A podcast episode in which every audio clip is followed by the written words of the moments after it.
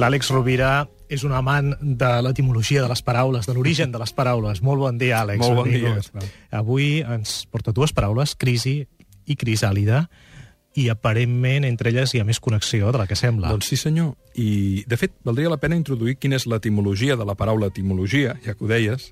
Doncs etimos en grec vol dir veritat i logos vol dir coneixement, saviesa o comprensió. Per tant, recórrer als diccionaris etimològics o fer una recerca sobre l'etimologia de les paraules ens pot donar pistes molt clares de com gestionar la nostra realitat, realitat interna i externa.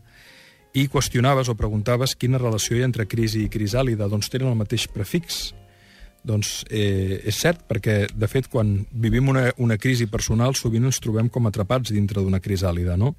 No i hem, de, hem deixat de ser o de tenir el que teníem i no sabem cap on anem i cap on i què podem esdevenir. Curiosament, hi ha una coincidència molt, molt bonica, molt interessant, i és que papallona, que és allò que està dins de la crisàlida, en grec es diu psiquer, que d'aquí ve la paraula psicologia.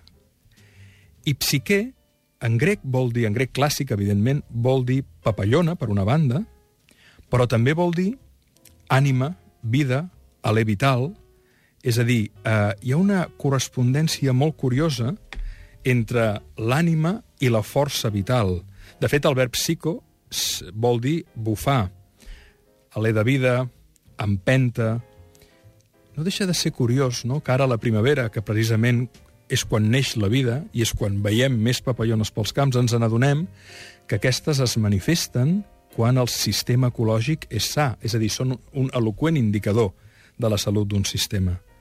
Portant la reflexió en el territori de la nostra situació personal, podríem dir que moltes vegades ens podem sentir tancats amb una crisàlida, però que és la nostra força interior, el nostre alè vital, en el que no podríem renunciar. No? I sobretot, jo crec que hi ha una feina molt important, no?